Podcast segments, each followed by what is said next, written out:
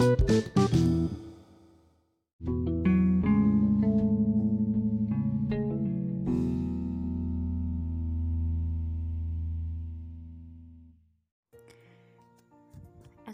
warahmatullahi wabarakatuh.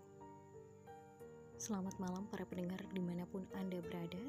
Berjumpa kembali bersama Harafalin di podcast Tuan Rumah Harafalin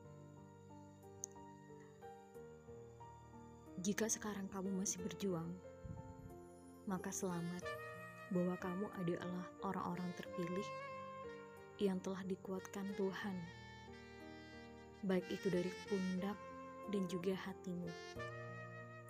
Jika kamu sekarang masih berjuang, mengertilah bahwa tekanan adalah untuk menguatkanmu, bukan untuk menghancurkanmu. Jika ada yang masih kamu perjuangkan, percayalah bahwa apa pun kondisi kamu sekarang, laki-laki ataupun perempuan, di desa ataupun di kota, kaya ataupun miskin, semuanya punya hak yang sama untuk berjuang. Kamu bahkan tidak harus berasal dari keluarga yang sempurna untuk sukses. Just shut up, smart do something, and stop complaining. Jika ada yang meragukanmu, jika ada yang merendahkanmu, tunjukkan kepada mereka apa yang bisa kamu lakukan, apa yang bisa kamu ubah, dan apa yang bisa kamu tingkatkan. Show them who you are. Jadikan kalimat negatif mereka sebagai motivasi kamu untuk bangkit, sebagai pemicu.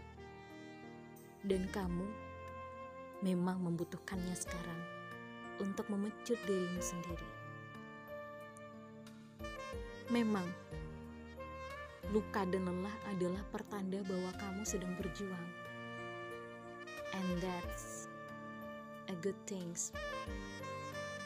Kamu sedang melatih dirimu sendiri untuk gigih, untuk terus-menerus bergerak maju setiap hari.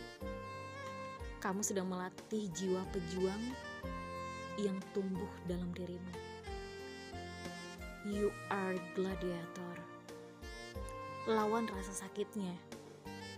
Iya, kamu nggak berpikir bahwa masa depan itu gratis kan?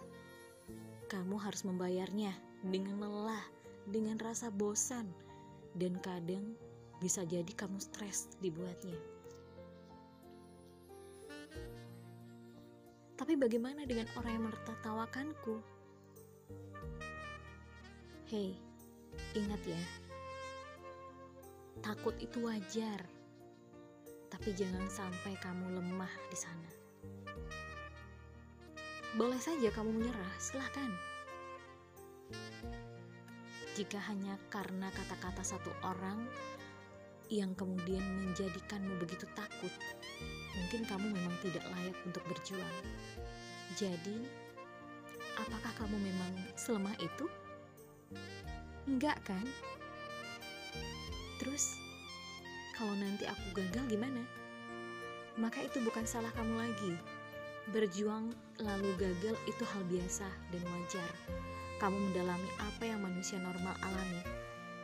Kalau kamu menganggap semua usaha yang kamu lakukan harus berhasil, maka cara berpikir kamu masih kekanak-kanakan. Kamu berjuang, lakukan strategi terbaik, dan serahkan hasilnya kepada Tuhan. Karena memang Tuhan yang berhak untuk menilai sampai di mana usahamu dan hasil apa yang akan kamu peroleh.